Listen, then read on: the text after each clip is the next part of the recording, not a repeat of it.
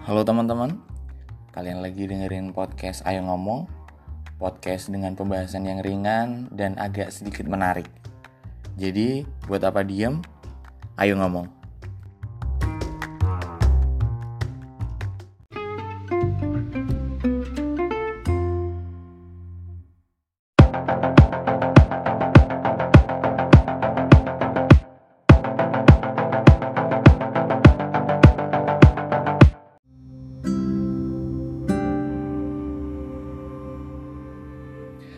Sabar satu persatu. Wah, itu salah satu dari dialog yang pasti kalian ingat di pembahasan yang akan gue bahas di siang hari ini. Ini tappingnya siang.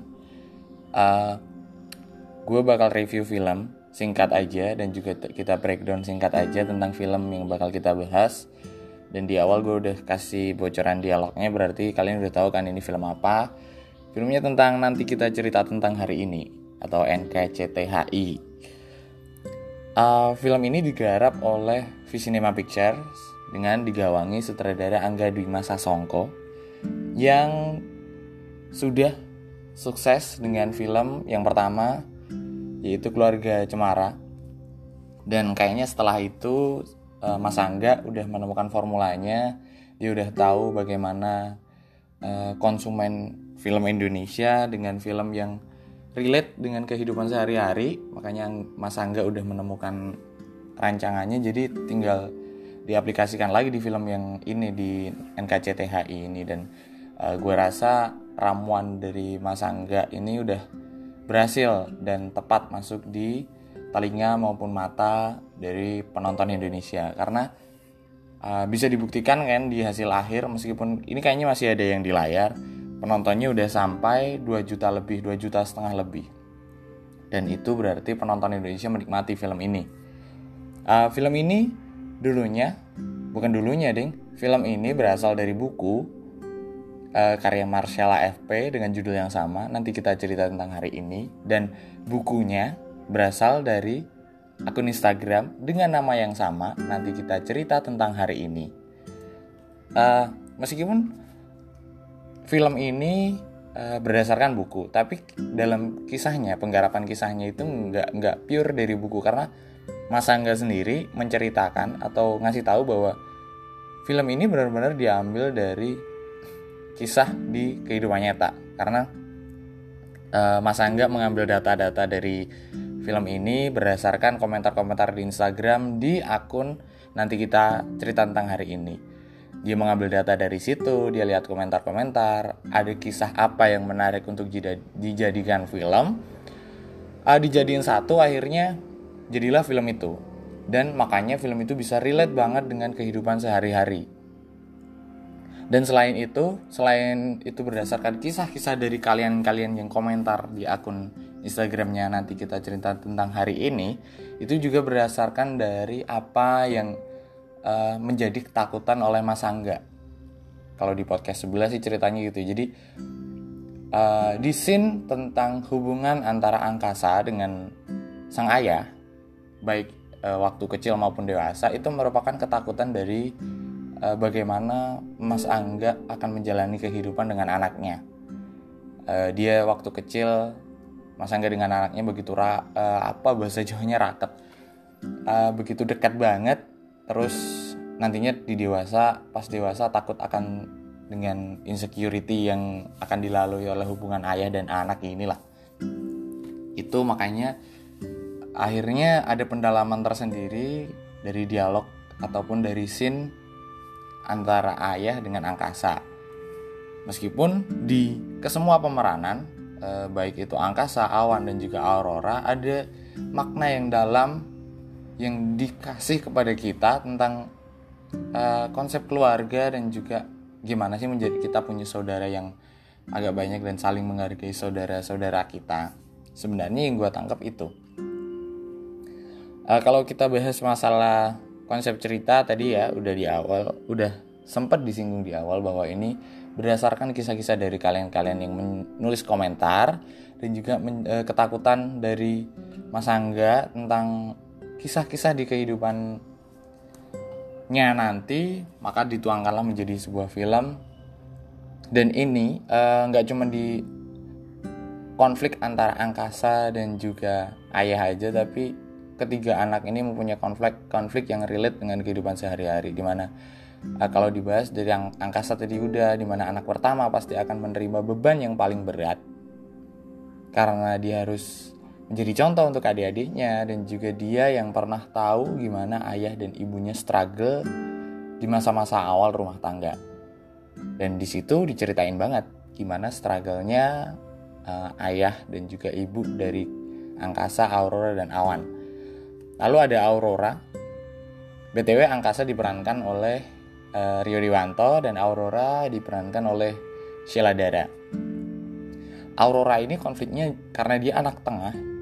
Jadi uh, dia kurang diperhatikan karena ada tiga anak di sini. Jadi anak pertama dia yang memikul beban dan juga menjadi contoh. Dan anak kedua dia menjadi anak tengah yang kurang diperhatiin. Sebenarnya di di di gambar visual pertama yang ditampilkan di konflik ini uh, Aurora menjadi anak yang kurang diperhatikan dan kurang mendapat apresiasi atas apa yang dikerjakan oleh Aurora ini sejak dari kecil bahkan makanya ada dialog yang paling mengena ketika ter sudah terjadi konflik Aurora mengungkapkan kalau semisal kalian takut kehilangan satu sama lain sedangkan kalian sudah kehilangan aku. Aurora mengatakan seperti itu dan itu berarti uh, kehadiran Aurora sudah tidak dianggap dari waktu kecil itu dan Aurora merasakan hal itu karena tidak ada gubrisan ataupun tidak ada apresiasi sama sekali di film itu. Dan yang ketiga ada Awan. Awan ini karena menjadi anak yang paling bontot, anak yang terakhir, konfliknya tentu biasalah anak yang paling terakhir paling diperhatikan dan juga paling diberi kekangan yang berlebih daripada abang dan juga mbaknya karena itu tadi anak terakhir dan ada permasalahan yang lebih dalam lagi kenapa akhirnya si awan ini mendapatkan proteksi yang berlebih dan ini menjadi konflik yang cukup besar meskipun membingungkan karena in, uh, akan menjadi tebak-tebakan karena ini ada apa sih kenapa si awan ini bisa mendapatkan proteksi yang berlebih? Pertamanya gue ngira si awan ini punya sakit atau apa pun. Tapi ternyata enggak. Ada misteri di uh, keluarga dari angkasa Aurora dan Awan. Ini yang ditutupi oleh ayah dan ibunya selama hampir 21 tahun kalau menurut angkasa ya. 21 tahun angkasa yang memikul beban dan juga menyembunyikan apa yang dia ketahui selama 21 tahun itu dan akhirnya terbongkar pada saat konfliknya sudah sangat harus dipecahkan dan itu juga menjadi klimaks dari permasalahan bukan penyelesaian ya jadi konfliknya meledak di situ itu dan gue ketika ada permasalahan ini ketika gue nonton gue sempat bingung karena itu tadi e, sebenarnya ada apa sih antara keluarga ini kok awan uh, bisa mendapatkan proteksi yang gede banget. Padahal sih uh, kalau sakit ternyata enggak. Dan apa yang terjadi? Ternyata uh, si Awan ini punya saudara kembar yang udah meninggal duluan. Dan itu ditutup-tutupi agar keluarga ini kelihatan bahagia. Itu yang menjadi konfliknya. Gak apa-apa gue spoiler karena ini udah minggu keberapa dan uh, yang sekarang masih ada tayang itu yang versi direct director cut atau ini versinya dari Mas Angga. Benar-benar pure ed, uh, apa yang ingin Mas Angga tampilkan di film ini itu versinya beliau. Kalau yang kemarin kan versi tim ya versi editor versi tim apa yang bagus dan bagaimana yang harusnya tayang. Kalau ini benar-benar versi dari sutradara oke balik lagi tadi sampai konflik yang utama bukan yang utama konflik yang besar daripada konflik per masing-masing individu. Itu tadi karena si Awan punya saudara kembar terus meninggal maka si ayah kalau yang ayah eh, waktu muda itu diperankan oleh Oka Antara terus yang pas dewasa ataupun tua itu diperankan oleh Doni Damara itu tidak ingin ada kesedihan lagi setelah adiknya Awan meninggal. Maka semuanya ditutupi dan uh, sang ayah ini pengen pokoknya semua keluarga bahagia. Harus ada kebahagiaan. Makanya itu yang membuat ibu si ibu menjadi pendiam. Atau dia menutupi semua yang terjadi, semua kesedihannya tidak boleh dikeluarkan agar keluarga ini tetap bahagia. Oke, di satu sisi mungkin ada orang-orang yang nonton terus bilang bahwa si ayah ini toksik banget ya, kayak dia lebih egois dengan pemikirannya. Nah dia nggak peduli si anak ini mau ngapain, mau seperti apa, dia harus nurut sama ayahnya. Mungkin ada yang berpikir bahwa si ayah ini toksik dan uh, kenapa sih ini ayah nggak dihilangin atau disuruh kabur apa gimana apa anaknya lebih baik ngelawan biar ini semua menjadi kisah yang happy ending meskipun akhirnya happy ending. Tapi uh, Mas Angga menceritakan ini bahwa ini bukan dunia ideal. Ini beneran dunia yang harus kalian terima. Setoksik toksiknya bapak lo itu tetap jadi bapak lo. Nggak mungkin dia akan lo usir. Kalau kalau lo tega sih ya terserah itu berarti lo yang buruk tapi setoksik toksiknya itu nggak ada yang namanya mantan bapak dia tetap jadi bapak lo dan itu harus lo terima dan senyebelin nyebelin apa pun anak lo itu tetap jadi anak lo Nggak ada dunia ideal bahwa anak yang nakal, yang paling badung akan diusir dari rumah dan dia nggak akan kembali hidup bahagia tiba-tiba. Nggak. Itu hanya di film yang lain. Kalau di film ini dia tidak ingin menciptakan dunia yang ideal, tapi dunia yang harus diterima. Bahwa seperti apa pun keadaannya itu tetap menjadi bagian dari kalian ataupun bagian dari keluarga kalian Sebenarnya makna yang paling besar yang ditanamkan adalah itu bahwa seburuk apa pun keadaan, kalian harus tetap menerima, tetap jalan ke depan meskipun kalian harus memilihnya satu persatu dan kalian nggak bisa lompat-lompat karena kalau kalian melompat-melompat akan ada yang terlewati bahkan itu menjadi batu sandungan di ke depannya.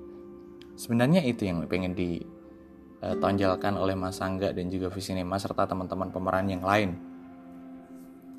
Dan ini juga menjadi perspektif gue. Jadi kalau kalian uh, punya perspektif sendiri bagaimana memaknai film ini itu terserah kalian.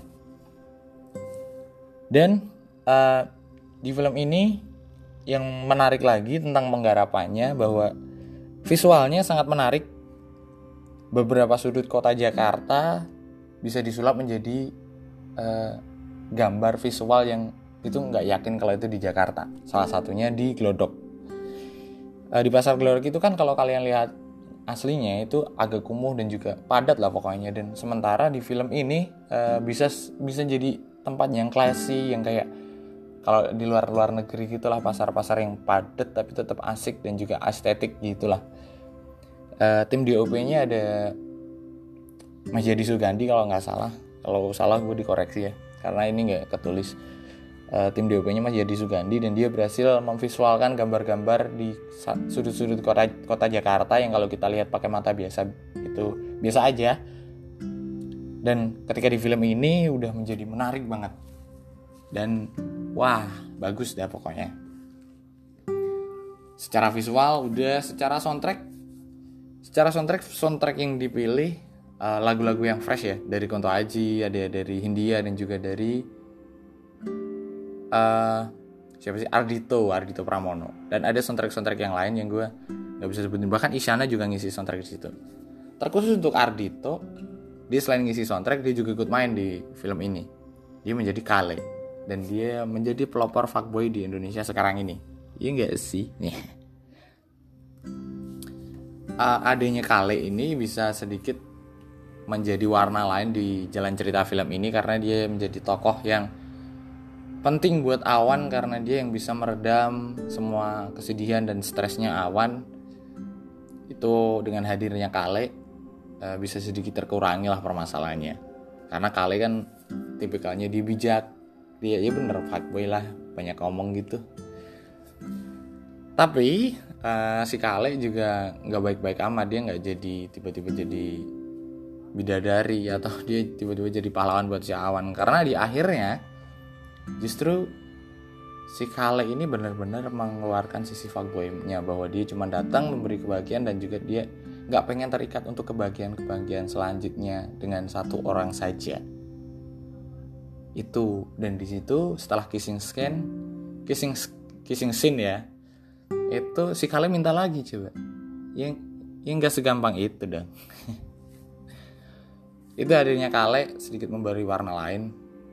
Dan ada pemeran-pemeran pembantu yang lain yang bisa memberikan uh, tambahan di film ini menjadi film yang uh, benar-benar relate dan juga bisa kita rasakan. Yang sedikit mengganggu kalau gue tangkap dari orang-orang itu tentang alurnya. Dari jadi alur film ini maju mundur karena ada uh, alur yang ke depan terus tiba-tiba flashback terus ke depan lagi tiba-tiba flashback. Mungkin ada orang yang nggak suka dengan alur itu dan justru pusing dengan uh, visualnya dan nggak bisa menikmati film. Tapi kalau orang yang bisa menikmati film dengan gaya apa aja ini film yang bagus menurut gue dan bodoh amat ketika ada yang bilang film ini menye-menye. Bagi sebagian orang justru uh, ini bukan film yang menye-menye tapi kalian bisa merasakan lewat film dan itu bisa mengambil pelajaran lewat film. Dan itu bukan menye-menye menurut gue karena itu selera orang-orang beda-beda dan uh, kalau fakta yang menarik di film ini mungkin di adegan yang terakhir di scene yang terakhir ketika ada scene angkasa dan juga ayah di apartemen yang baru nih si angkasa bahwa Mas Angga tidak bisa menuliskan dialog apa pun karena dia juga speechless dia juga udah nggak punya bayangan lagi ini harus seperti apa kan. Bukan karena Mas Angga capek tapi ini adegan yang bener-bener sakral. Bahkan dia mengalami di dunia nyata pun dia juga pasti bingung dia bakal ngomong apaan jadi refleksi gerakannya dia uh, pakai itu mukul si angkasa itu. Bener-bener kayak si oh, anjir lu udah gede kayak gini ternyata gitu. Dan itu gue juga ngerasain uh, gimana sih uh, canggungnya adegan ini dan si anak pasti juga ya canggung beneran canggung di dialog ini di scene ini beneran yang paling canggung dan yang paling bermakna jadi paling kecil tapi paling bermakna di film ini selain adegan-adegan yang lain itu aja sih review dari gue tentang film NKCTHI dan juga beberapa spoiler. Mungkin gue nggak menjelaskan secara gamblang ataupun panjang ya, karena gue udah tapping ini berkali-kali hampir hampir tujuh dan gue nggak berhasil karena nggak tahu film ini di deskripsi di deskripsikannya susah menurut gue ya. Karena film ini relate, menurut gue relate dengan kehidupan sehari-hari dan pasti semua orang ada yang mengalami kisah seperti ini. Jadi untuk diceritakan pun kalau versi review gini gue susah. Jadi ini aja yang bisa gue jelasin sama teman-teman semuanya. Uh, semoga kalian bisa menangkap apa yang gue jelaskan dan uh, semoga perspektif kalian juga makin kebuka tentang film ini dan uh, film Indonesia semoga semakin bagus jadi suatu hari kita bisa cerita tentang hari ini. Asik